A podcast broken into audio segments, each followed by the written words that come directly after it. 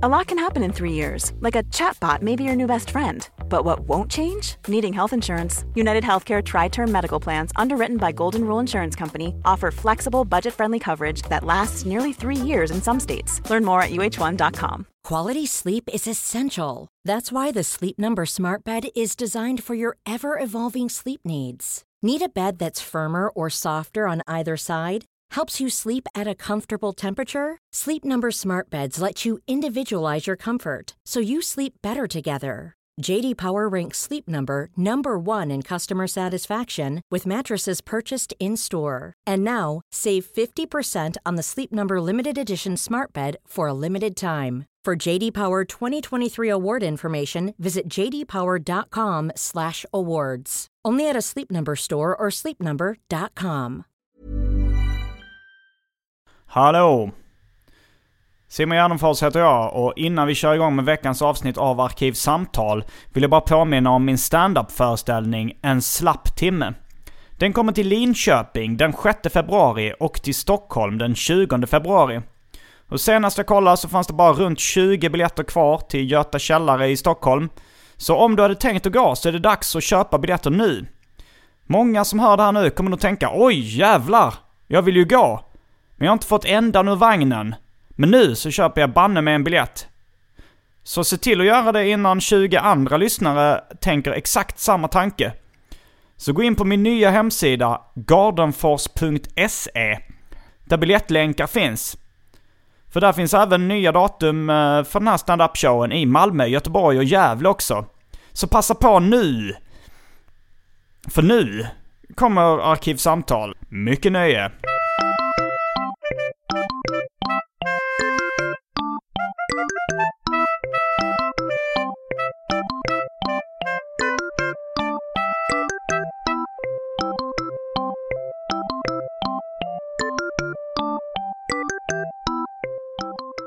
Hej och välkomna till Arkivsamtal. Jag heter Simon Gärdenfors och mitt emot mig sitter Sandra Ilar. Hallå, hallå. Välkommen hit. Tack så mycket. Vad åt du till frukost i morse? Eh, Jag åt havregrynsgröt med valnötter och en frukt. Uh, känner igen det här. Var det samma som du åt eh, när du var gäst här förra gången? Ja, det tror jag. Jag brukar äta samma sak varje dag, i princip. Mm. Frukt sa du? Ja, nu åt jag en mandarin. Mm. Mm. Den, det är inte samma frukt var det? Nej, just tidigare var det blåbär, men jag slutade äta blåbär.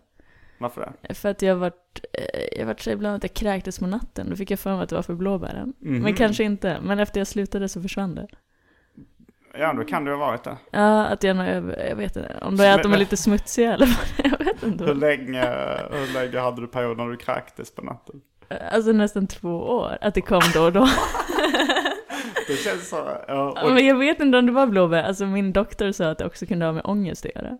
aha. Att det var, att det är så här att man är ångestladdad och så kan det få att nerverna i huvudet samspelar med nerver i magen.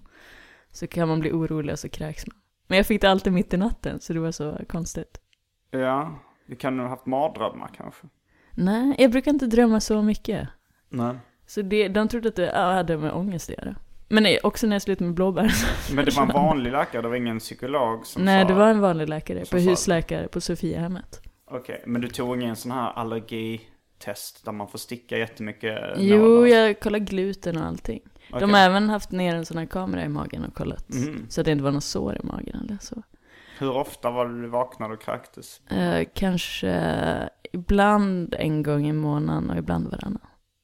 Så det var ganska ofta ändå, och så kunde det kräkas någon gång till dagen efter. Ja, men det är också konstigt för att ifall det var blåbären så borde du ju kräkas oftare än bara... Ja, jag, för jag åt ju blåbär varje morgon. Ja, Men det kan ju Så vara det- att de är, var ibland smutsiga. Att Ja, ibland kan- var de jord. Att jag är lite överkänslig. Och då, jag vet inte vad det var. Men jag vet att Bergman hade samma grej. Han kräktes också. Ja, men då var det med att, att det hade med att han du bajsade ner sig. Han skett på sig någon gång. Ja, att han var så här orolig i magen och började gå på toa för att han var ner- nervig och Mm. Han blir Eh. gökasketen. ja, Uh, om du har hört talas om det uttrycket. nej. Det är när man... eh, eh, det, det finns ett avsnitt som jag tror kan heta gökasketen, någonting med gökasketen eller att det står i beskrivningen. Men det var att det var nog mest en ursäkt för att supa.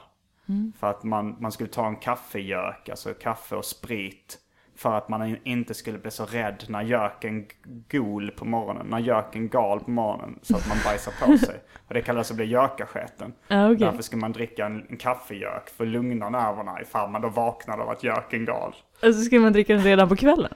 Ja, eller om, om du, eh, jag vet inte när göken gal. Ett tag innan den.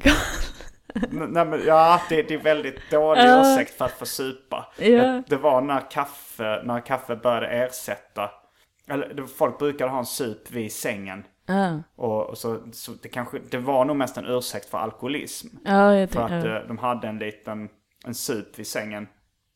Och så frågade folk varför har du en sup vid sängen? För att lugna nerverna om göken gal så att de ska skita på mig. Så att jag inte ska bli gökasketen. Och sen så när då eh, bondesamhället skulle nyktras till lite så det, eh, försökte de ersätta sprit med kaffe på många sätt. Så att ta en kopp kaffe istället för en sup när du tycker det är jobbigt och jobba på åkern. Så var det någon som var så här, men hjälper det mot att bli gökasketen? och då kom de på lösningen, hälften sprit, här hälften kaffe. Och ha en kaffegök då vid sängen. Men hade det varit ett stort problem innan att folk sket ner sig? Jag de tror hör- inte det, jag tror som sagt bara Eller- det var en ursäkt för alkoholism. Att det var, att det var, Men då kan man göra det mot alla slags rädslor. I ja, princip. det, kan, det kanske är det du ska ha, en, en uh, liten snaps bredvid sängen. Fast du dricker inte. Nej, Ja. men jag, får, jag vet inte. Men du har ju gått över som sagt. Jag vet, det bara slutade Okej, efter ett tag. har du mindre ångest nu för tiden? Ja, lite kanske. Alltså det är lite att jag fokuserar, för jag var väldigt sådär att jag arbetar ganska stenhårt med skolan och sådana grejer under perioden. Så jag vet inte om det var överansträngning och stress kanske också. Det här, För jag hade väldigt så här, inrutat schema som jag gjorde exakt samma saker varje dag. I princip. Du hade inrutat schema som jag, där du gjorde exakt samma saker varje dag. Ja. Det tycker jag låter som ångestdämpande. Ja men det, alltså det var att det var, delvis är det det, för då har jag koll på läget och vet vad jag skulle göra under dagarna. Men också att det var väldigt bindande, att det var nästan en tvångstanke. Att om jag inte följde schemat så tyckte jag det var jobbigt. Uh, sån är jag lite också. Jag gillar, Ja. jag gillar när man rutar in grejer och, eh, och eh, jag tycker det är lite jobbigt. Fast i och för sig så har jag ju ett jobb, alltså så att man åker ut och uppträder och så här, som är ganska olikt varandra. Det blir inte så inrutat bara för att man åker in. Men jag, men jag, gillar när allting är samma sak. Liksom. Ja, för jag har tänkt på det när vi har pratat på klubbar och så, att du också känns ganska, eller väldigt strukturerad. Att du jobbar lite efter samma mönster varje dag. Ja. Och det har jag också haft ganska länge. Att jag har eh, samma rutiner. Jo men det har jag förstått. Där har vi, vi har bondat. Vi har bondat lite över att uh, vara strukturer. Att man har, vissa kanske skulle kalla det drag av OCD. Ja, jo delvis. Um, Ja, eh, du är ju då stand-up-komiker precis som jag. ja. Har varit det ganska länge. Längre än vad jag har varit Alltså totalt har jag varit det väldigt kort. Då är det typ två år. Som jag har kört aktivt. Totalt. Um, Ja. Alltså om, du- om du räknar alla minuter har stått på scen. Nej men jag började 2008 så körde jag ett år. Men sen stängde jag in mig på universitetet i, i fyra år. Mm. Och då körde jag inte någonting. Så du körde bara ett år. Ja. Men jag tror jag Lite kan mer. ha sett dig då och i efterhand förstått att det var du. Ja, Jag kanske. kommer ihåg, jag såg någon på Big Ben som hade mössa på sig. Mhm. Och eh, drog skämtet. Då, var det, då hade just Michael Jackson dött. Ja. Dog han 2008? Ja. Eh, eh, sommaren 2009 tror jag han dog. Okej, då, Aha. eh, och då så sa... Då så den här personen med mössa som jag misstänker var du sa knack knack, vem är där? Inte Michael Jackson. och sen så nu nyligen så hörde jag dig dra, dra ungefär samma skämt fast med David Bowie. Ja. Men det går knack knack, vem där? Inte. Inte vem? inte David Bowie. Ja. Så då var det väl förmodligen du som drog av Michael Jackson. Ja, det var om ingen har snott mitt material. Redan då, det. för det var Ja. precis efter han hade dött. ja, men jag tror jag gick upp, som nu gjorde det samma dag som Bowie dog också. Ja, okej. Eh, ja. Jag tror du gjorde det dagen efter på Michael Jackson, för då körde vi på Arvika-festivalen. Ja, så då gjorde jag det där Big. Ben i Stockholm. Ja, och då kan det vara några veckor senare kanske. Ja. Eller så. Okej. Eh, ja, men ja, då... men det, det är nog mycket troligt ja. Eh, Mm. men efter, för då körde jag, jag tror det var ungefär ett, ett och ett halvt år jag körde ganska intensivt. Mm. Och sen så började jag att jag stängde in mig på universitetet istället. Så, Vad tog, innebar det att du stängde in dig på universitetet? men jag, jag började i princip bara plugga och Mm. inte göra så mycket annat. Var det en, eh, en tvångstanke eller var det bara att du blev så passionerad av dina studier? Nej, det var nog, alltså lite att jag alltid har velat studera. Mm. Men också lite tvärt emot att jag tycker om att jag, vet, jag har ingen rationell förklaring till det riktigt. Nej. Men det, det var, för det gick bra med stand-upen jag fick mycket gig. Jag fick köra på Rå och alla sådana där grejer. Mm. Började göra lite radio och lite tv-grejer och så. Och så Mm. gjorde Vad var det för radio och tv-grejer du gjorde? eh, det var Sveriges Radio. Vilket program? Eh, humorhimlen. Mm. Och vilket tv-program var du var med? Det var, jag tackade nej till dem. Det var så Okej. här ballar av stål och sådana grejer. Så Aha. de ville att jag skulle, de ville att Mm. jag skulle gå runt med någon bebis och göra, eh, eh, typ försöka få en tatuerad grej. ja, men det ville inte jag. Eh, så då gjorde jag, och Varför sen inte så... det? Du vet inte riktigt. det. Ja, men det var, alltså, jag tyckte inte det var så kul kanske. Men, Och sen så har jag alltid varit lite, jag vet inte. Att jag vill göra grejer som jag själv är lite stolt över. mm. Så det är kanske lite pretentiöst, men det var att jag inte ville. Nej. Men du verkar ha vissa introverta drag också. Ja men det är det också att jag inte riktigt ville, jag började inte med stand-up för att bli känd riktigt. Och, Du börjar inte med stand-up för att bli känd. nej. Så eh, jag var lite emot det också kanske. Att bli känd. Ja, Mm. i alla fall då. Men, eh, och då, och så gjorde DN ett ganska stort reportage. Mm. Efter det så var jag med hos Malou von Sivers. Mm. Jag har missat hela den här perioden av ditt liv. Ja. Nej men då, då gjorde jag lite tvärt emot. Istället för att köra på när det går bra så tänkte Ja. jag nu stänger jag in mig på universitetet. Nu Jag får det alla räcka. andra smider medan järnet är varmt. Ja, jag exakt. tänker lämna städet medan järnet är varmt. Ja. Jag var ganska ung, jag tror jag var 22 då eller? Jaha. Ja, så jag var inte så gammal heller. Nej. Eh, så då stängde jag in mig och gjorde tvärtom och stängde in mig och bara pluggade i fyra fem år innan jag började köra igen. Fick du panik? Nej, det var, alltså, det var någon övertygelse jag hade att man borde stänga in sig någon gång i livet och bara läsa böcker. Ja, jo. Det Vilket- låter mysigt. Ja, det var trevligt. Men jag är kanske inte tillräckligt introvert för att kunna... Jag skulle nog bli lite, få lite klaustrofobi. Ja, ja, man kan bli lite knäpp i huvudet om man inte pratar med någon på en vecka har jag märkt ungefär. Mm. Hur länge stängde du in dig på universitetet och läste bara böcker? Eh, kanske, alltså ungefär fyra år skulle jag tro. Åh jävlar, det är rätt Eh, länge. ja, alltså det var, jag åkte ibland över till Evelyn Mock och satt och pratade med henne, eller typ till Aron Flam, han bodde ganska nära. Ja. Men i övrigt så träffade jag väl lite folk. Ringde hem ibland till Luleå. Mm. Din, dina föräldrar Ja. bor kvar i Luleå? Ja, Okej. och bara, alltså jag skrev också en massa så texter som jag inte tänkte använda till någonting. Ja. Så jag gjorde, alltså jag var produktiv också, jag läste inte bara. Det låter ju väldigt spännande. Alltså hela det här, den livsstilen. Jag tycker, Ja, jag tycker om den också. Alltså Ja. jag trivs med att vara ensam. Mm. För, för jag känner mig inte så ensam när jag läser. Nej. För då har man massa texter i huvudet också. Ja. Men det, ja, det var något jag tänkte att det kunde vara nyttigt.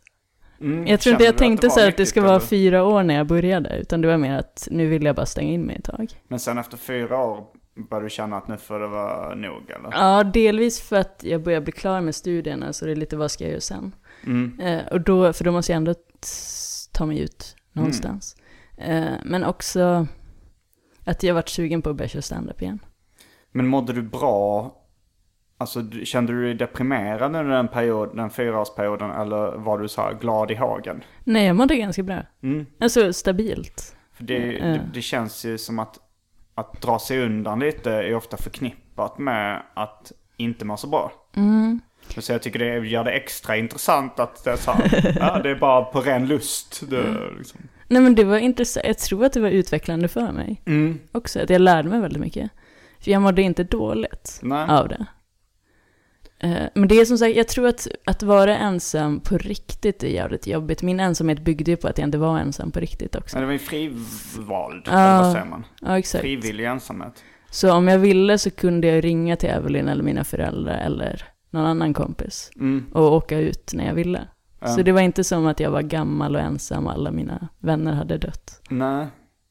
Eh, Men, men jag tror kanske att den eh, frivilliga ensamheten kan kanske leda lite till en ofrivillig ensamhet på, på lång sikt. Ja, absolut. Att, eh, att ens kompisar som man hade innan går vidare, skaffar nya vänner eller familj eller någonting. Och sen så är det inte så lätt att komma tillbaks till dem kanske. Men det håller jag med. För jag märker att jag har blivit sämre socialt efter jag gjorde det. Att Mm. Ibland så kan jag vara tyst när jag sitter bland folk för att jag fastnar i huvudet. Mm. Eller att eh, bara då så kunde jag ha svårt att prata när jag gick på ICA. Du vet, prata med kassören. För att jag inte hade pratat på några dagar. Jävlar. Så var man så här, äh, att munnen när man ska prata. Och rösten, att jag hade typ ingen röst. Ah, okej. Som på morgonen ibland, de har så väldigt lite extra mörk röst också. För man har inte använt stämbanden på så länge, de är lite rostiga liksom. Ja men exakt. Och att eh, bara så här, interaktionen, att behöva svara någon som svarar något tillbaka. Alltså blir, Mm. att man kommer av så lätt. Hur många dagar kunde det gå innan du träffade någon som inte var liksom butikspersonal eller Alltså som inte var kassörer och sånt där. Alltså om jag åkte ut och pratade med någon kompis eller? Ja men kunde det gå liksom en vecka utan att du, att, utan att du träffade någon kompis eller hade någon Ja, ansikts... ibland kunde det gå mycket längre. Alltså hur Alltså eh, ett par månader eller så. Åh jävlar. Alltså, men grejen var, jag gick ju på föreläsningar och sånt. Ja. Så då kunde jag hälsa på så halvbekanta i klassen eller. Mm. Men det var, alltså att jag gick, åkte ut för nöjes skull eller för att prata med någon kompis eller så kunde det Ja. gå ibland ett par Ja, månader. för du sa att du ibland, ja, men ibland hälsade på komikerna Evelyn Mock eller Aron Flam Ja, under den perioden. ja. Men då så menar du att det kunde gå liksom en månad, ta en månad innan du hälsade på någon av dem. ja, absolut. Ibland längre. Det är imponerande. Ja, ja, jag har inte haft något problem, jag ser mig inte heller som ensam när jag gör det. Nej. Utan jag är ganska så här, jag äter på fasta tider, läser grejer, sitter och skriver, gör lite skolgrejer. Mm. Kollar du inte ens på tv eller rörlig bild liksom? DVD Nej, jag kollar typ inte på någonting. Så det var läsa och, skriva? Ja, Som, ja. jag, jag har haft en sån period i livet, fast extremt ofrivillig. Okej. Det var när... Ja, nej, men jag, jag, jag var nog lite jobbig under en period. Jag hade liksom, mitt psyke var inte det stabilaste. Ja. Så jag var, eh, i efterhand så skulle man nog kunna se mig, alltså så här, var det lite, dra, lite bipolära drag. Att när jag var, när jag var glad så var jag extremt intensiv och jobbig liksom. Påfrestande. Och sen så blev jag djupt deprimerad när det sväng, pendeln svängde. ja okej. Och så, så hade jag väl en sån period när jag gjorde mig ovän med vissa vänner, vissa flyttade. Och till slut så var jag liksom bara ensam i en lägenhet i Malmö. Och gjorde ingenting. Och det var... Jag, jag fick en tv av någon förälder efter ett tag. Men det var också så att jag läste böcker för att jag inte hade någon tv. Jag var fattig liksom, gick på SOS och hade inga vänner. Och då, då bara var det att jag var hemma och läste. Det här var nog en mycket kortare period än din period. Alltså det var inte flera år. Men, det, men det, var- det, var ju, det var ju rätt outhärdligt för att det var ofrivilligt. Liksom. Ja men exakt, när det inte självvalt. Um, Det blir ännu mer påtagligt. Mm. Eh, för, jag tror, för då kanske du reflekterade också kring att du var ensam. ja, ja, alltså jag, jag kände ju mycket tankar, vad är det för fel på mig liksom? Ja. Den, varför har jag inga vänner? Varför är, varför är det min mamma? Och den enda jag pratar med liksom då och då. Och min storebrorsa var ju schysst liksom. Och det kändes som att han kanske tyckte att jag var lite jobbig också när jag kom och hälsade på honom och hans kompisar. Ja, okej. Eh, Men han lät mig ändå komma liksom. Nej, men så det är nog en skillnad, för jag tänkte inte på mig som ensam. Nej. Eller att det var så konstigt heller. Det är först nu i efterhand när jag ska förklara för folk. Mm, men Som det jag har svårt att motivera också. Det- varför. Det blir lite bisarrt. Alltså för att det är så ovanligt. Ja, men jag hade som ingen rationellt argument för det heller. För att du ville det är ju ett, rat- alltså så för att du kände för det. Det är bara att det är ovanligt som gör det, som gör det märkligt. Ja, Eh, absolut. För, att, eh, för jag förstår jag kan ju förstå känslan. För att jag har ju samma känsla fast ibland vill jag bara eh, ha en dag för mig själv. När jag bara läser. Eh, och det, det är lite svårt att motivera för folk tycker jag ofta. Ja, men det kan det absolut. Bara en dag så här, men idag vill jag inte träffa någon. Idag vill jag bara vara på mig själv. Men också för att det var i den perioden från typ 22 till 26, där de flesta är ute väldigt mycket. De vilda år. Ja, men exakt. men det var en lite sån tes jag hade också, att det är så många som lever på det sättet, så då vill inte jag leva på det sättet. Ja. För det är det som förväntas att man ska göra. Så då gör jag tvärtom. Mm. Kärringen mot strömmen. Ja, men lite. Ja, det är, det är mer rebelliskt på något sätt än att, eh, än att vara den klassiska ung rebell-rebellen. Ja, men ja. Om man nu tänker på, jag tänker på den här filmen med James Dean. ja. Eh, som jag tror jag har sett någon gång. Men han var väl mer Ja. klassiskt det här supa och eh, komma in full på polisstationen. Ung rebell. Ja, men exakt. Rebell utan anledning. Ja. Eh, jag tror vi ska kasta oss in på det omåttligt populära inslaget Välj drycken.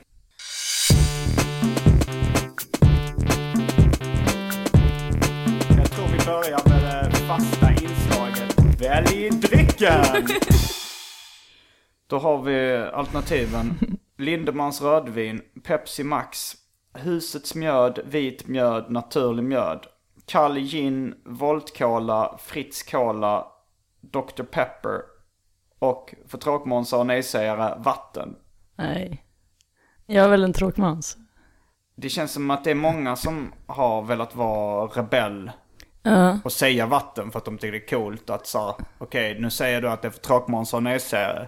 Kolla här vad jag gör. men, du, men om du är sugen på vatten så kommer jag inte hindra dig. Ja. Alltså jag är ju, jag, är ju, jag dricker mest på vatten. Mm. Jag skulle kunna ta lite te. Jag har med mig en tepåse.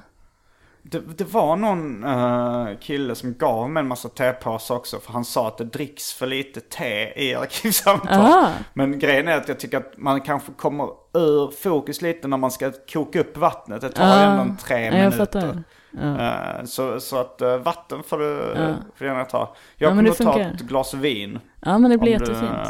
inte tycker det är obehagligt att... Nej, absolut inte. jag, bryr, jag har faktiskt varit lite nojig för det, för att man ska framstå som tråkig bara för att jag inte, för jag bryr mig egentligen inte alls om att andra dricker. Nej, Det har jag ingen som helst, alltså, ja. jag kan tycka det är lite jobbigt när folk är fulla och inte jag är fulla. Ifall Ah, folk okej. är för, alltså så för att då, då är man ju på en annan nivå. Då blir det ju som att umgås med dagisbarn efter ett tag. Ja, För att de, alltså när folk blir helt korkade och irrationella liksom. Ja okej, det kan hända att man inte hänger med i deras tempo riktigt. Ja. Så kan det vara som att hamna utanför rent, för att man inte är på samma nivå. Ja, men folk får lite dålig motorik. De kanske ska, snacka väldigt nära ens ansikte Ja, med en andedräkt ja. av rödvin och så här. Och så tycker man att blir lite spottad i ansiktet. Så tycker man att det här är inte så kul. Hade jag varit full hade jag kanske inte brytt mig. Då hade jag varit på samma nivå. Ja. Men Nej, jag, så, så kommer jag inte bli i alla fall. Nej. Nej men det är mer att jag tänker att folk tror att jag har något moraliskt eller att jag dömer andra. Mm. För att jag själv inte. För jag har inget statement med att jag inte dricker. Nej. Det är mer bara att jag trivs.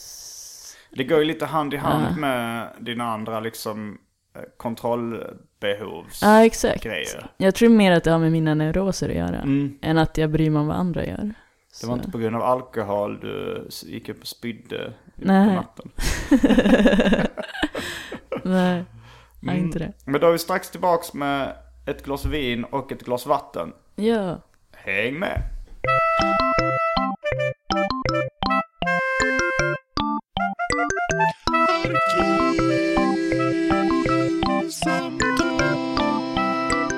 Då är vi tillbaks med vin och vatten. Ja. Ömsom vin, ömsom vatten. Som det gamla uttrycket. Jag tänkte på ett tidigare inslag där nyss nämnda komikern Aron Flam var gäst. Då pratade vi om eh, eh, författaren Michel Houellebecq. Ja. Som hade skrivit en bok som handlar om en man som studerade Huysmans, uttalade Huysmans, någon fransk eh, 1800-1900-talsförfattare Okej. sekelskiftet däremellan. Uh, och han var den uh, Husman, eller vad man ska uttala Husman. Han, eh, han levde lite sånt liv. Hans, eller vänta, nej, båda de två levde ett sånt liv. Liksom, huvudrollen i den här boken spärrade in sig på universitetet under jättemånga år. Och Ja, bara läste litteratur, framförallt då Husmans böcker. Ja. Och, eh, och isolerade sig och, och liksom frivilligt då. Och umgicks. Det blir, när man läser mycket böcker så är det ju lite som att man umgås med författarna på något sätt. Fast ja, exakt. det är någon Och slags... Men också att man fyller huvudet med text. Deras texter på något Mm. sätt. Med andra människors ord. För Mm. jag tror det är det som håller mig lite från, för jag tänker många konsumerar kultur för att inte bli galna. Lite. Man Mm. fyller film i huvudet för att slippa sina egna tankar. Eller musik, eller... Jo, alltså om man ligger hemma och isolerar sig. Då blir man nog galen. Eller det, det, det näst, känns ju nästan helt omöjligt att bara stirra i taket. Ja, exakt. Men om man konsumerar någon form, kollar på tv eller vad fan som helst. Det blir ju lite mer uthärdligt. Ja men ja. Men också att jag, jag märker även i vardagen så har jag mycket att jag läser för att fylla huvudet med andra människors ord. För att det Mm. frigör lite, det stänger av ens eget huvud ett tag. Mm. Och ja, håller borta så jobbiga tankar och sånt. Har du mycket jobbiga... Alltså jag, jag har fått det när jag har isolerat mig. Har jag fått mycket jobbiga tankar. Det var någon gång jag reste ensam och, och liksom åkte runt i Polen och, och länder där jag inte kunde språket och de inte kunde så mycket engelska. Då, fick jag, då kände jag att jag fick väldigt mycket negativa tankar som liksom malde i huvudet. Eh, och, och sen så när jag liksom... eh, när jag mm, var bland folk igen så slutade de tankarna. Men, det, men det kanske har att göra med då att du spenderar mycket tid för dig själv som... Eh, ja, men jag hade inte så mycket jobbiga tankar då. Men det är mer alltså sådana här, pff, jag har inte, jag tycker inte jag har så mycket jobbiga tankar nu.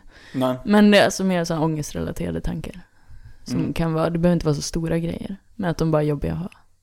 Mm. Men, du, men du är väl inte lika mycket ensam längre heller som du var tidigare? Nej, nu är jag ute på klubbarna mycket. Ja. Och, Plus att du är ett förhållande har jag förstått det som också. ja. Och det, då, kanske, då kan jag tänka mig att det är mindre tid ensam. Men, ja, det är ju det. Mm. På, för jag tänker, ja, ja men så är det ju absolut. mm. Mycket mindre tid ensam. men under den här perioden när du pluggade, vad var det om, vem var din ysmon? Eller vad var, du, vad var du fixerad vid? Eller vad var det du pluggade? Eh, men det, jag har tre olika examen, så nu håller jag på att göra klart min master i ekonomi. Okej. Så nu sitter jag och skriver uppsatsen i den, så det är bara sista Mm. arbetet. Du känns inte som en person som är speciellt intresserad av ekonomi. Uh, nej, alltså jag är intresserad av makt och pengar, alltså men det är inte att studera det. Du studera- studerade men inte Ja. att få det. Ja, Eller? det, det är väl alla människor till viss del. Ja, nej, jag, bara tänkte att du inte ville ha berömmelse eller kändisskap. Jaha, ja. Eh, När du, som du nämnde tidigare. Nej, men alltså jag har inget mål att känna. Jag bryr mig inte om pengar mer än att det är en trygghet, skulle jag säga. Du Det är tryggt att ha pengar. Ja. Ja, så på det sättet är det väldigt bra. Uh, alltså jag, det är väl så man har ju hellre makten än att någon annan har makten över en ja. själv, ska man säga. Men jag, det är inte så att jag söker efter makt Du är inte aktivt. maktgalen. Nej, Du är inte pengagalen. nej. Men du gillar att studera ekonomi. Ja, Att jag gillar att studera. fenomenet Ja, makt och pengar. Det är intressant att veta hur företag fungerar för att Mm. de är väldigt mäktiga. Så därför tycker jag om att studera ekonomi. Typ Ja. För att det är en stor del av samhället och att många människor spenderar större delen av sitt liv i ett företag eller en organisation. Mm. Så det kan vara bra att kolla på hur de funkar. Ja. Eh, sen så är jag också en kandidat i litteraturvetenskap och en kandidat i filmvetenskap. Mm. Så jag har tre olika.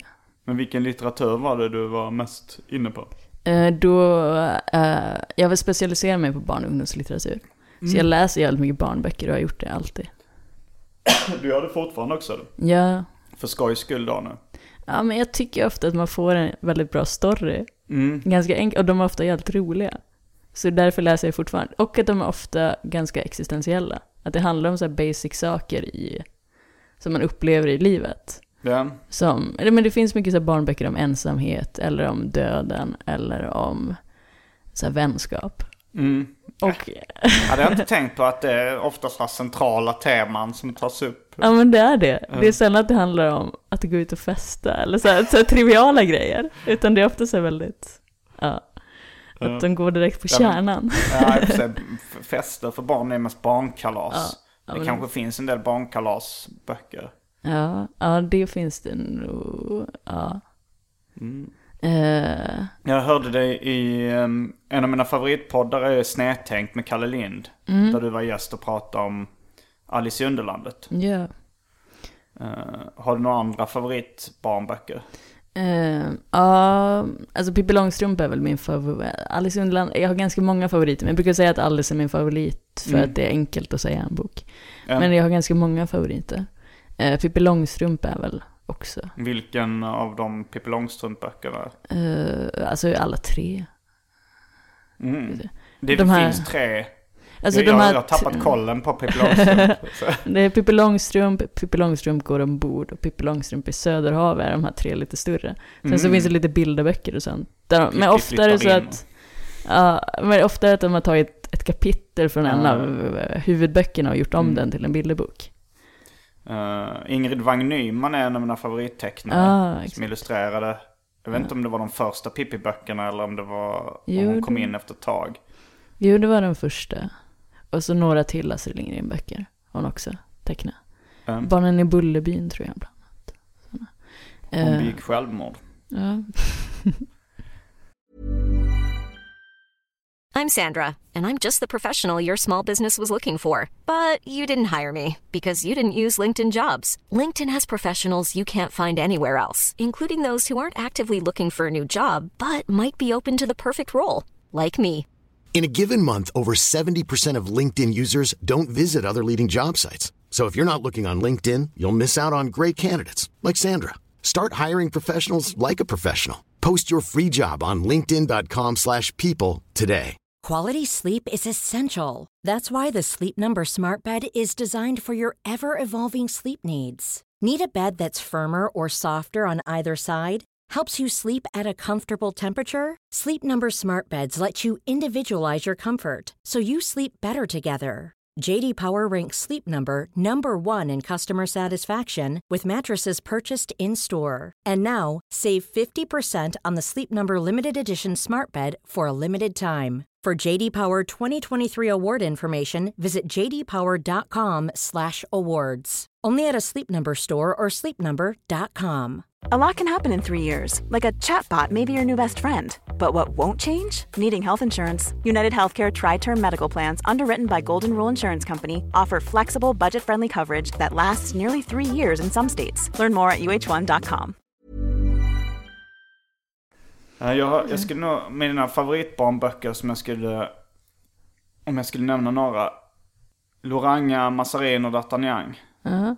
L- De, jag tror den första heter nog bara Loranga Massarin och den andra boken heter Loranga Loranga. Ja, Barbro Lindgren. Barbro Lindgren ja. Ja. Det, jag föredrar Barbro framför Astrid Lindgren. Eh, har du läst dem? Ja, men det var ett tag sedan nu, men jag har läst den. Mm. Men det är ju lite humor. Ja, Eh, absolut. Det är mer humor skulle jag säga. Eller mer tätare mellan skämten än... eh, alltså är Pippi Långstrump en humorbok? Det är det väl Ja, ändå? den är ju, alltså Pippi är skitrolig. Ja. Hon är ju, hon vänder upp och ner på väldigt många begrepp som man tar för givet. Och Tog för, speciellt den tiden den kom. ja, det vart en väldigt omdebatterad bok Mm. när den kom. Det skrevs en artikel i DN där de sa att det var skadlig för barn. Och, Mm. eh, flera, för just för att de bröt mot många konventioner mot för tidigare barnböcker. Att barn skulle vara, lyda sina föräldrar och vara trevliga och väluppfostrade. Ja. Eh, och så kommer Pippi och gör tvärtom. Mm. Vilket också startade, eller det, var, det kom flera, som Hen- Lennart Hellsingberg gör sina böcker då också, som också var mycket karaktärer som var rebelliska och gjorde uppror och inte betedde sig som man skulle. Alltså jag tänker mest Lennart Hellsing som en uh, rimsmed. Ja, Var alla hans böcker på rim? Nej inte alla. För att det, det krakelspektakel och, och sådär tänker jag på. När Ja. Lennart Hellsing. Jag tror inte alla. Men Ja, gjorde han, många? men han gjorde även, vad, vad har han gjort för liksom kända barnböcker? Det är väl främst Krakelspektakel och den. Okej. Eh, Bagare Bengtsson och sådana. Mm. Eh, Men det kom flera böcker på den tiden som inte var som tidigare barnböcker. Mm. Ja, som Men då när bröt. vi 50-tal nu eller? Ja, 45 kom Pippi, Mm. första boken. Eh, samma sak så kom första Muminboken då också. Mm. Och Lennart Hellsings första bok, vilken det nu var. Jag kommer inte ihåg. Det är rätt sjukt för att jag är född på 70, sent 70-tal. Och, och de här tre, liksom mycket Lennart Hellsing, Mumin och Astrid Lindgren. Det var ju det som dominerade barnbokskulturen då när jag var liten också. Ja, Och, det känns, och de, de var ju redan då 30 år gamla. I och för sig det kanske bara var att föräldrarna tog upp det som var stort när de var små. Som de hade läst och så Ja. sin tur. Ja, det kan. Men jag läste dem också och då är det över tio år senare tror jag. Mm. Jag kommer ihåg i skolan så var vi tvungna att läsa både alltså så här Bombi Bitt av Piraten och, och även eh, Tom Sawyer och Huckleberry Finn-grejerna. Och så kommer jag ihåg man läste dem och tyckte, ja, sa mig inte speciellt mycket, tyckte det var ganska tråkigt. Nej. Och sen så fick man läsa då om Mark Twain. Så stod det så här, Mark Twain var känd för sin humor. Jag bara, va? Ska det här humor? Jag såg ingen humor Nej, i det det- överhuvudtaget då. Nu i efterhand så kan jag ju förstå vissa saker. Att det var till och med liksom humor som är besläktad med den, alltså så provokativ humor som jag och du kanske i viss mån också håller på med. Alltså det här med Ku Klux Klan när de ska döda en svart person eller vad det är. Eller jag, jag kommer inte ihåg, jag bara kommer ihåg att de ska vara med, att eh, Tom Sawyer och Huckleberry Finn ska bli medlemmar i Ku Klux Klan. eller Ku Klux Klan eller något sånt heter det. Det är något, någon omskrivning av det. Och så eh, att de störde sig på någon svart och någon jude. Alltså det finns något sånt inslag som när man, när man läser det som barn. Jag kommer ihåg det var en debatt om just det inslaget i när det var någon lärare eller förälder som hade sagt vad fan är det här? Ni tvingar barnen att läsa i skolan. och då, för jag kommer ihåg att jag läste det själv när jag var liten och tänkte vad det, det kändes bara konstigt då. Jag fattade inte att det var humor liksom. Nej. Men eh, i efterhand förstår man att det kan vara provokativ humor. Ja, men absolut, alltså, det är ju en vanlig tendens att de fuckar upp gamla barnböcker. När de ska göra mera, alltså det är en form av censur. När, Att de tar bort mycket av det som är det goa. Ja, när man gör en barnboksversion. Ja, för att de tänker att barn inte kan fixa det. Mm. Och höra det. Eh, jag vet inte, jag blev nog mest förvirrad som barn. Ja. När det hade bara helt plötsligt kom in någonting som kändes extremt rasistiskt i liksom.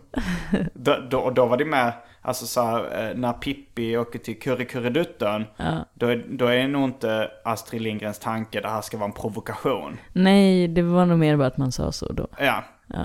Och, eh, För de har ju fortfarande kvar att han kallas för negerkung i Ja. böckerna nu. Mm, Men de har någon slags varningstext i början. Att det var så man sa då. ja. Och att det ordet hade en annan betydelse på den tiden. Mm.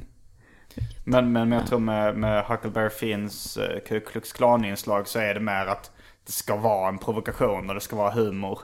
Eh, att det roliga är att det här är, de skämtar om något väldigt känsligt ämne. Ja.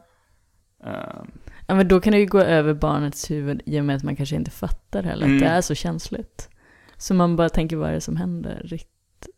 Ja. eh, För man saknar ju lite den politiska kontexten när man är barn, att kunna förstå vad det är som händer. Ja. mm. Men hur, när började du med stand-up och hur, hur Eh. kom det sig? Jag började då 2008, jag flyttade ner från Luleå då, Mm. när jag var 20 och så började jag köra.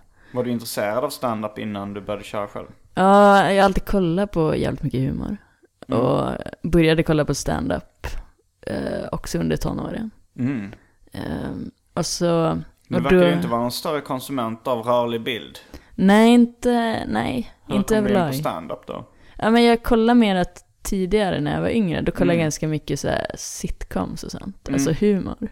Eh, kollade också, började kolla då på stand-up. Man Ja. började kolla på de klassiska, så här, Eddie Murphy och... Mm. Sen så snöade jag in mig på Woody Allen ganska tidigt. Mm. Började kolla hans stand-up och hans filmer. Um, Som, ja. Eh, och jag, där har, är jag har bara hört hans stand-up på, eh, som ljud. Men Ah. finns det filmade specials och så Det finns nog mindre klipp. Finns det inte den här The Moose i rörlig bild? Det finns det säkert. Ja, jag tror det. Men det är, han, har gjort, han har väl bara gjort två plattor eller Mm. ganska lite stand-up. Ja, han Mm. gjorde... Jag vet inte hur lång stand-up-karriär han hade. Nej, jag det var ganska fortfarande, kort. Vissa skämt håller fortfarande. Ja, Det klassiska skämtet när han är på sin farfars dödsbädd och han, så han visar upp en klocka och säger This watch on my deathbed, my grandfather sold me this watch. Eh, ja. Nej men det, så det var på den, så jag började intressera mig för humor redan då. mm. Men Och hade du koll på så- den svenska scenen då? Ja, Jag tror jag kollade lite mer amerikanskt än svenskt. Men Mm. jag hade kollat på några, du vet såhär Bettner och Glans och de kändaste. Um, Innan jag började. Men sen så började jag, det var mer att jag tycker humor är, det tycker jag väl än idag att det är bra sätt. Jag tycker om det som en kreativ form. mm, För att den är så gränslös. Att mm. man kan göra lite exakt vad man vill. Alltså på standup-scenen, så länge folk garvar så får du göra vad fan du vill. Lite så. Ja. Jo, det Ja, men väl- det du, väl då det får du som- också ta konsekvenserna för det du gör såklart. Jo, men, Men- men jag tänkte jag, jag tänkte så här, jag tycker det är okej att göra saker även om folk inte garvar. Men det är väl väldigt sällan man blir bokad. Ja. Om man, om man bara går upp och aldrig får några skratt så är det inte många klubbarrangörer som vill att man ska gå på igen. Nej, men det är att det inte finns så mycket regler och sen finns det inte så mycket traditioner heller. Det är inte som med teatern att det finns en massa lång tradition av hur teater ska vara. Mm. Stand-upen är ändå hyfsat ung konstform. Ja, så om det är en konstform, jag tycker inte riktigt om det ordet. Men det men, som men en när, när det finns mycket regler och sådär, då finns det ju mycket regler man kan bryta mot också. Ah, men, äh, be- alltså, men jag förstår inte varför folk följer så mycket de här traditionerna och reglerna som finns inom till exempel teater. Nej, Men det är väldigt belastat på något sätt. Alltså så här att med, med traditionstyngda kulturformer. Alltså om man ska ge ut en bok till exempel. Jag börjar, jag börjar svettas lite vid tanken bara för att det är så här, folk har så mycket förväntning att det ska vara så stort liksom. En, en bok med text. Jag har gett ut serieböcker, det känns inte som samma, det känns lite slappa också. Det är inte samma traditionstyngd i det. nej men exakt. Eh, men men så här, en teaterpjäs eller en roman.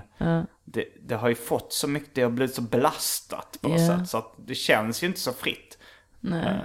Alltså det är lite, jag tänker det kanske är lite statusfråga där. Mm. För ofta, alltså om man tänker kultursidor och sånt, sätt, de recenserar ju teater, de recenserar väl sällan stand-up. Nej, att man sätter teater högre än stand-up. Kanske samma sak med seriealbum och romaner. Ja, fast seriealbum, då tror jag att recensenterna fick så dåligt samvete. Okej. För, eh, för att, så att de, de har börjat recensera väldigt mycket seriealbum sedan 80-talet. Ah, Eh, Men, men eh, stand-up är fortfarande så att man ser ju nästan aldrig en stand-up, alltså så en special recension. Det är väldigt sällan.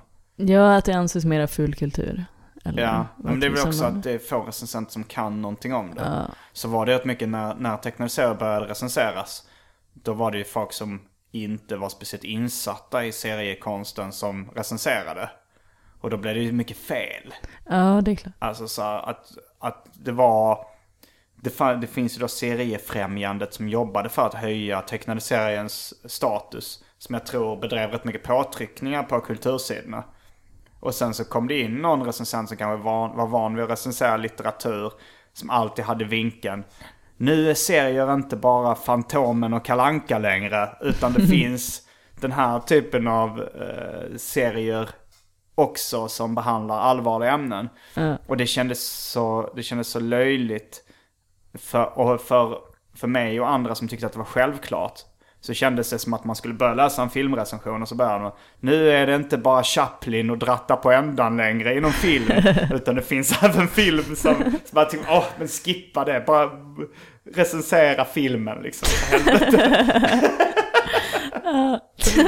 Eller man måste nu säga, kommer ah. tjejerna var en annan sån vinkel. Så här. Nu är det inte bara killar som tecknar serier. Det är samma sak som om man skulle liksom läsa en, en, en roman och så säger vinkeln. Nu kommer tjejerna.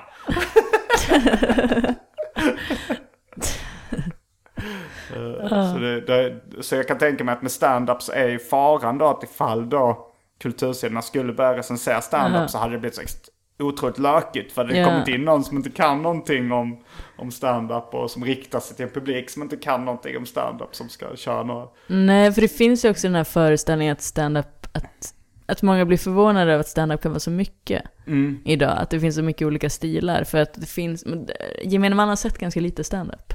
Ja. Då kanske har sett Johan Glans eller Bettner, vissa. Mm. Eh, Att det är mycket den här, eh, nu är inte Bettner kanske en av de bredare, men Jo. han är ju populär. Men jag tänker att de har lite mer den här eh, gemene man-bilden av vad humor eller stand-up ska vara. Mm. Så det är få som fattar att det finns så mycket subkulturer inom humorn och stand-upen också. Jo. Att det finns så mycket olika stilar, ungefär, alltså lika mycket som det finns olika musikstilar så finns det väl. Mm. Fast lite, om man, om man jämför stand-up med, med filmgenren så, så är det inte riktigt eh, lika brett ska jag inte säga. För att inom film så finns det ju en komedigenre. Men, men, eh, men inom stand-up så är ju allting humor. Ja, det finns ju inte dram, en Nej, dramatisk då kallas det mer teatermonolog kanske. Ja, exakt. Så, eh, och det, det är rätt intressant att det har blivit, det finns ingen genre som är teatermonolog och där finns det drama, action, humor. Det kul om någon ställde sig på scenen och bara kör ett actionset. Det ska inte vara någon humor, det ska vara bara spänning, biljakter, pistolskott. Stand-up action. Och så kan man någon komma upp, i och för sig snyftare, det finns det ju. Ja, det finns, ja, de här äh, pauserna.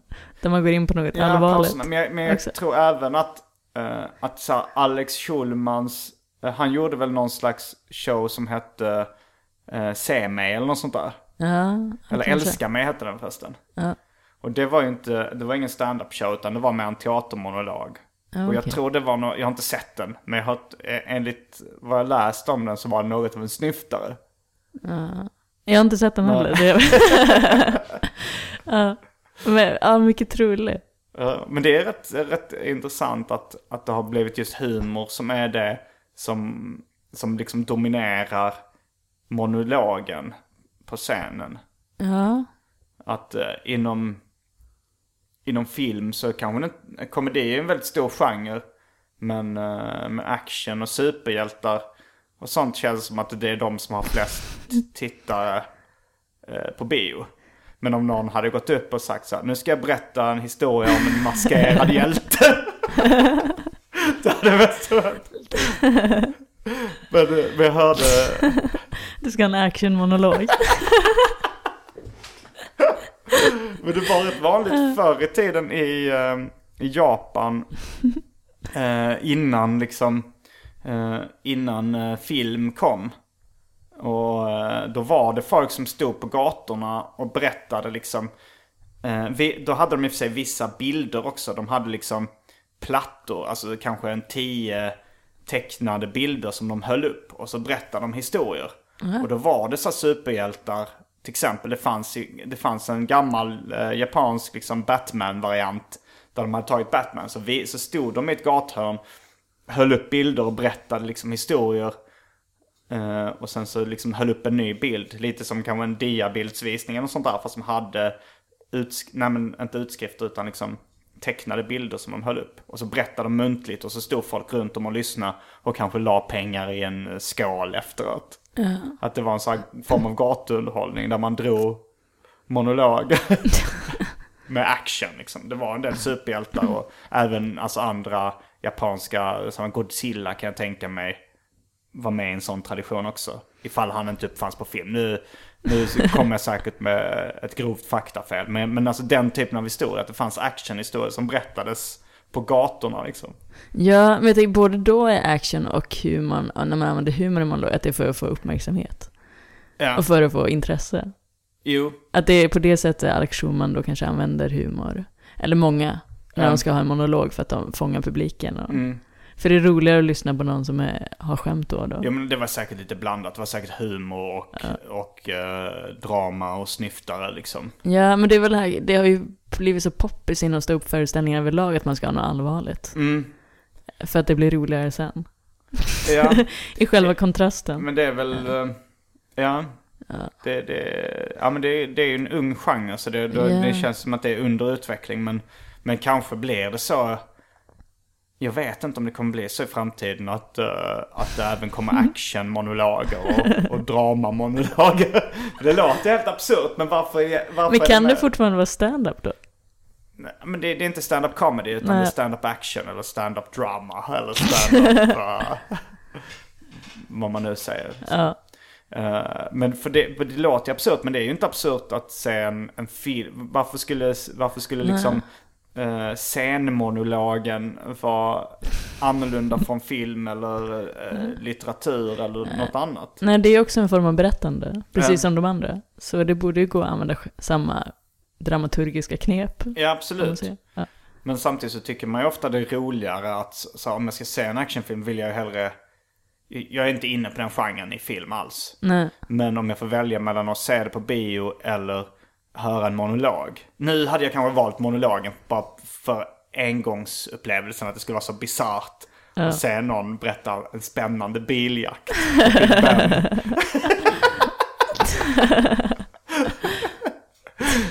men, men jag tror nog ändå, jag förstår ändå med att man vill ha det visuella där. Men så är det ju kanske med, egentligen med humor också, att det är ju mycket fler som konsumerar eh, de stora komedierna liksom. Än som ser stand-up. Det är ändå lite smalare genre. Ja, och att det är lite mer effort att ta sig ut i klubben och sitta och kolla. Jo men jag tänker även på tv. Alltså så på Netflix så tror jag Ja, att de stora stand-up specialerna har mindre Och det, det är väl också då att man kanske gillar det visuella, att det iscensätts med skådisar, än att det är bara någon som står och pratar. Ja. Ja. Jo, men jag, jag kan ju uppskatta båda. Jag, Ja, det är inte absolut. bara monolog som jag... Men, men, det är, men det är mycket snack om det också, med, samma sak med, med text, litteratur och sådär. Att folk, eh, vissa säger att det är bra att skapa sina egna bilder i huvudet. Ja. Det är ju lite en annan upplevelse när man, när man läser en text och skapar sina egna bilder än när, när det är väldigt iscensatt. Absolut, då, alltså man får ju använda sin egen fantasi för att skapa de egna bilderna. Mm. Och då får man ju skapa sin egen upplevelse också. Man är med i själva iscensättandet av boken, Ja. också i sitt eget huvud. Men man, man vill ju ändå ha lite. Alltså Anna, de, man, de som hävdar det skulle ju lika gärna kunna hävda det bästa är att bara sitta och fantisera ihop hela historien själv. Eh, Då får du göra allt. Skriva manus. brukar du dagdrömma? Eh, ja, det gör jag nog. Men, men just nu så är det på något sätt att hitta på ett skämt. När, när jag skriver standup-material. Det är ju egentligen som att gå runt och dagdrömma på ett organiserat sätt. Ja, Att jag, att jag går runt och tänker så här, hur hade det varit ifall jag nu ska tänka mig i fabriken där de ska tillverka skosnören. Hur går dialogen där när de ska ta fram det perfekta skosnöret? Så börjar man dagdrömma så här, då kanske någon säger så här. Kanske någon kommer, men det är ju ett sätt för då att komma på ett skämt. Och sen till slut när det händer någonting roligt i min dagdröm, då blir det ett skämt på något sätt. och så tänker jag, ja men då antecknar jag det här. Det var roligt när den skosnörstillverkaren sa det. men det, det är väldigt likt en dagdröm. Men, sen, men jag dagdrömmer nog ganska mycket, alltså bara så här, tänker på grejer. Jag vet inte vad skillnaden på att bara tänka på grejer och dagdrömma är. Eh, inte jag heller, men jag tänker dagdröm att det är någonting att man drömmer sig iväg lite, att det kanske inte alltid behöver vara så verkligt, det Mm. man tänker. Att man sätter sig i olika scenarier som kanske inte har hänt eller som Ja. eh, man hoppas ska hända. Ja, ja men det, jag, jag jobbar nog ändå med ganska mycket med humor och realism även i mina dagdrömmar då. Men det är också ganska mycket att jag förbereder mig på eh, vad som ska hända i framtiden. Att jag tänker så här, ja men ikväll kommer jag träffa den personen. Ja. Då kanske, då kanske den säger så här och så här. Då ska jag svara så och så. det, ibland kan, kan det bli sådana långa liksom. att- Ah, okej. och, och jag tror ibland så har, ibland så har jag liksom förberedda grejer, förberedda resonemang i huvudet. Som jag kan säga liksom. Ja. ja men det kan jag också. Alltså saker som man vet att man ska berätta för någon och prata Ja. om. Så är det så här, men vad kan, alltså så här, man försöker hitta intressanta vinklar Ja, och inlägg och, för att man ska det är nästan som diskutera. man det. repar på en stand-up-monolog. fast det bara... Ja. Jag tänkte um, lite på din stand-up-stil är ju ganska speciell. Mm. Eh, man, det, kanske det första man tänker på när man säger kör stand-up är att du skriker ganska mycket. Ja. För du är ju ganska lågmäld som person utanför scenen. Men sen kommer du upp och, och, och dels har du en ganska hög röstvolym. Alltså så det är nästan som att du börjar med att skrika. Och sen så i slutet av varje punchline skriker du lite extra mycket. och alltså så här, du skriker och sen så kanske punchline slutar med ordet rövhål och då skriker du Rövhål! och nu, de senaste gångerna jag sett det har du till och med lä- börjat lägga till ett litet extra skrik efter. Alltså så att det Rövhål! ah!" Ah, okej. det har jag inte tänkt på själv. Kommentarer på, på det. Jag vet, det är inte så medvetet, men ja, det hade varit jobbigt om jag var så privat hela tiden också. Faktiskt. Nej men, det du är ju någon gång väldigt... att du, att du skrek för att, för att du inte hade något mellanläge, att du mumlade annars. Ja men jag är rädd lite för att mumla, så då talar jag övertydligt och väldigt högt. men, men jag tror de första gången jag såg det, det här när du var på, hade mössa och var på Big Ben. Ja, Då har jag för mig att du inte skrek. Kanske inte. Jag, jag, jag tror inte jag gjorde det tidigare. Nej, det gjorde jag nog Men då inte. kommer jag ihåg att jag tänkte att det här är en person som förmodligen kommer från spoken word-scenen. Ah, okej. För att ditt Ja. uttryck var lite mer, att det lät lite mer poetiskt. Liksom än vardagssnack. Men, Ja, det, kanske. men du kommer inte från Nej, nej. poetry slam-scenen. Nej, absolut inte. Men, Nej, det har jag inte gjort. Eh, men det, eh, alltså det finns inte så mycket medveten tanke bakom det. Jag vet inte om jag borde skrika eller inte. Men, tycker du kanske borde testa någon gång hur det är, om det, alltså, om det, hur det är som, som du pratar normalt liksom. ja, ja kanske. Men, men det, jag vet, alltså det är mera, för det överlag så när man går upp på scen så gör man ju en förlängning av sig själv. Absolut. Det är ju en del av mig själv, det är en del av min karaktär som är sådär. Och folk som känner mig ganska bra och privat vet ju att jag är ganska lik ändå. Stundvis privat. Jag är inte så hela tiden. Sett dig så högljudd. Nej, men så störd i huvudet, om man kan säga så. Ja, ja, alltså det är ju udda tankar och sådär. Ja. eh, eh, som kommer fram och det, det tycker jag.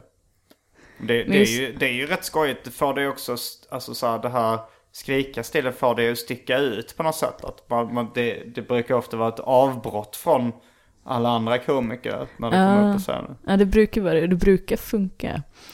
Men eh, jag vet inte riktigt hur jag skulle göra ifall jag ska köra en halvtimme. För det blir Mm. jävligt Um, tröttsamt efter ett tag och också själva effekten försvinner väl. ja. Om man, är, men om man kollar på till exempel Sam Kinison.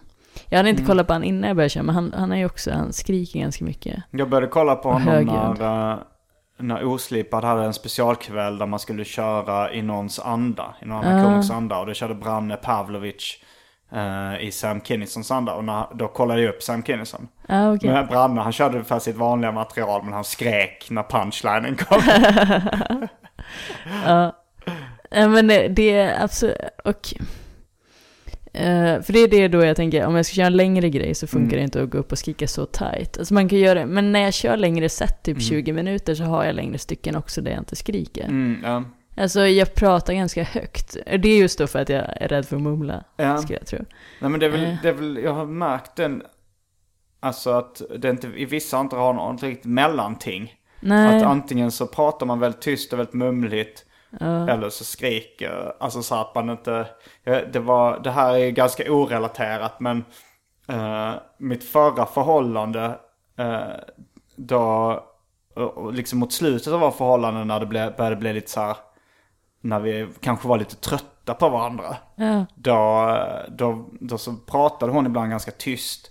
Och jag, och jag hör ganska dåligt. Jag har, jag har faktiskt en... Jag upptäckte efter vi hade gjort slut så upptäckte jag att jag hade en ärftlig hörselnedsättning. Ja, Jag okej. gick till, till doktorn och liksom... eh, Och han sa att... eh, Och kollade, gjorde en sån undersökning och sa att delvis berodde på bullerskador liksom. Men det är bara en extremt liten procent av din hörselnedsättning. Utan den stora delen är en sån ärftlig hörselnedsättning. Och när jag berättade för henne så fick hon ganska så dåligt samvete. För hon tyckte det var, så här, var irriterande att jag inte hörde vad hon sa. Ja. Och då var det rätt mycket så här att hon sa, sa någonting som jag uppfattade som bara att hon mumlade. Så får jag, vad, vad sa du? Så mumlade hon igen. Och så får jag, vad sa du? Och sen skrek hon bara. och då, då inser man att ah, det här förhållandet kanske inte är så jättebra. När det är på det här sättet vi kommunicerar. Men, eh, men det, väl, det var väl också att det, det inte fanns något riktigt mellanläge där. Att antingen så var det väldigt tyst eller skrika. Men det är nog lite så för mig. Eh, Alltså att jag har svårt att tala i mellantonen. Att det är folk som har sagt till dig på stand-up-scenen så här, kan du inte prata lite högre? Och sen så säger du, nu ska ni fan få höra på lite högre. Inte just på scenen men, nej. Det kanske är just för att jag stängde in mig, jag vet inte. Om jag fuckade upp själva mellanläget. för jag för mig, för som du sa, jag pratade normalt innan tror jag. Jag, har inte riktigt tänkt på det. Du kommer ihåg också när jag var liten så, så, så det var så här. Min syrra var ganska, min lilla syster är fem år yngre och vi, vi skulle göra någon sån här typ förbered, det var någon av våra föräldrar som fyllde år. Så var det så här, vet, man skulle, man skulle gå med någon bricka med presenter och, och sådär utanför. Och så, så eh, kom jag ihåg så här, så måste vi viska, sa jag till min syrra. För att man skulle väcka dem liksom. Det skulle bli en överraskning. Så, då avser vi så här, att jag kan inte viska. Hon har inte lärt sig. Hon kunde antingen bara vara helt tyst eller prata någon. Hon lärde väl sig viska lite efteråt. Men jag kommer jag kan inte viska. Jag vet inte vad man gör. Ja. Nej men jag vet inte riktigt hur jag ska göra. Men som sagt, jag borde testa någon gång och inte Mm. göra det. Kanske Samtidigt så så ty- jag tycker det- mikrofonen så mycket så att du kan prata med det röstläget du använder nu i podcasts. Liksom. Ja, kanske. Men också, jag tycker också det är kul med aggressivitet. Jo, jo, det, Det, så jag tycker också att det är roligt jo. att skrika. Jag gillar det också som fan. Så det är också det. Jag får lite också känslan av tecknad film. Alltså så här dubbad tecknad film. Där, där tänker man ibland också så här, varför skriker de så mycket? Det, det är nästan på samma sätt att det, eh, nej, men att det, de, de sista orden betonas genom liksom, eh, när de ska Alltså det, känns som en typ av humor som finns i tecknad film för barn när de säger så här, Absolut. Jag, De det visar finns... upp så här, och du, eh, jag vet inte om jag ska komma med något exempel. Det är så här, så här, för att du glömde att stänga av rymdraketen! Och det, det är så vanligt, man undrar varför betonar de det ordet så jävla mycket? Men det är för effekt. Jo, det är Jag det. tänker det är också när jag kör, det är ju ett effektivt sätt att väcka uppmärksamhet också. Och Men få det- folk att lyssna. Och det är ju en sak man, man tänker så här att det, när man ser på teck, tecknad film för barn så tänker man det är bara här. Det är, ing, det, det är nästan som så här gamla journalfilmer där de pratar så här. Och de käcka gossarna hoppar i. Att det, Förmodligen var det ingen som pratade så på den tiden utan det var bara en sån grej de gjorde när de skulle... Ja. Det, det var det var någon kompis som snackade också om det som han tyckte var så irriterande när man, koll, när man kollar på tecknad film för barn. Så, eh, så översätter de alltid förutom de, eh, de engelska namnen. Ja. Att det blir så här. Skynda dig Charlie. Vi måste, vi måste hinna, hinna hem till Edward innan... när, jag, när jag ser det på scenen så är det ofta så att du säger saker som låter eh, fel. Liksom, Som låter mer upprörande, stötande grejer. Ja. Eh, men så, så är det ju med humor också att jag tycker det är mycket roligare när någon går upp och säger rasistiska, sexistiska, alltså så här saker. När man, man, man vill ändå förstå på något sätt att okej, det här kanske inte är den här personens värdegrund Ja. som speglas här. Eh, eh, men, men det här som den här personen säger låter så jävla stötande. Ja. Det tycker jag, då skrattar jag mycket mer ja, men än, jag också, jag tycker. än när någon kommer och, och liksom predikar om rättvisa och fred. Men också, ja men det är så självklara grejer också, Ja. att börja åka runt och predika. Alltså såklart, det finns ju en massa människor som inte tror på de grejer, så såklart det finns. men i Sverige idag på svenska standupklubbar känns det ofta som att det är en värdegrund som de flesta sitter och delar. Som man försöker sitta och sprida till folk som redan tycker Ja. samma sak, i princip. Jo, ja, det är Eh. det värsta nästan. Är så här, Alltså när budskapet är... Eh, hade det inte varit bättre om vi alla bara kunde vara överens och vara snälla mot varandra? Så, eller hur? Eller hur? Ja. Och så, Men exakt, men det var sympati upp. Så. Det var någon som sa om de här, en så här kändare ståuppturné som handlar väldigt mycket om sådana värden. Eh, Så att Vill de du ska inte sitta- nämna namn? Nej. Är det, är det Betnér och Sören Ismail? Kanske, kanske inte. Jag vet inte. Men att det handlar mycket om att man i publiken själv ska sitta och känna sig så god över sig själv. Ja, För att man sitter och delar deras åsikter. För det som är kontroversiellt på riktigt är att sitta och säga idéer som folk inte delar. jo, så är det ju. Och, eh, och samtidigt så, så tror jag ändå man kan spegla, alltså när, när någon, ifall man går upp en, eh, inför en publik som man misstänker är eh, antirasistisk. Och säger extremt rasistiska saker. då tror jag ändå på något sätt att det kan speglas en antirasism i alla fall. För att man fattar att det här är så absurt. Det, eh, det personen på scenen säger. Så att han tycker nog inte så. nej och man, att man visar lite på det, men exakt, det stör dig att stå och säga sådana saker. Ja, Så att man... Men eh, jag, jag tänker väl oftast inte så här, vad vill jag komma med det här? Utan jag tänker bara, vad är roligt? Och sen kanske slaggprodukten blir att folk förstår vad, förstår vad jag tycker eller att jag diskuterar en fråga eller tar upp ett ämne som är viktigt liksom. Men, men min ingång är alltid så här, vad skrattar jag åt? Ja, absolut. Roligt, inte roligt. Ja, Brukar jag gå på. Okej, jag skulle aldrig köra en grej som inte har en punchline. men, För att säga något eller för att... Det vore, jag vet inte, alltså för på det är lite comedy first. Ja, om man ska vara på ståuppscenen. Jag kan säga någonting som inte har en punchline men det måste ändå vara roligt. Alltså så här, jag kom på en... eh, jag vet, det har inte funkat jättebra. Men jag hade en liksom som mer är som en setup så här. Vad hände med namnet Bibi? att när jag var liten så var det jättemånga som hette Bibi. Och sen så när jag, när jag berättade, så jag snackade med några, med några kompisar om det här. Uh, alltså fan, jag, jag kommer kom inte på någon punchline på det här skämtet. Så här, skitsamma, själva setupen är så kul så bara säg det. Sen, sen gå vidare till nästa ämne. Ja men exakt, men jag menar inte bara punchline utan Nej. det måste vara roligt Ja. på något sätt. Som jag den där, visste ni om att man måste mata sin hund? Ja, Att man bara säger mitt i, jo det är ju en setup det, som är... ja, som inte leder någonting. Det är lite cutting också. Att man inte ger dem något slut. Finns det ett begrepp som heter cutting? Ja, jag vet Amy Schumer säger någon gång att hon jobbar mycket med sånt. Mm, mm. Att Kan man hon, får kanske tänka ut slutet själv? ja men att hon brukar avsluta sina shower med att hon, för då har hon haft en timme som var asrolig och sen avslutar hon alltid med att säga eh, att hennes lilla syster brukade skära sig själv. och sen går hon bara av scenen. Och med de orden avslutar vi veckans avsnitt av Arkivsamtal. Jag heter Simon Gärdenfors. Eh, jag heter Sandra Ilar. Fullbordat samtal.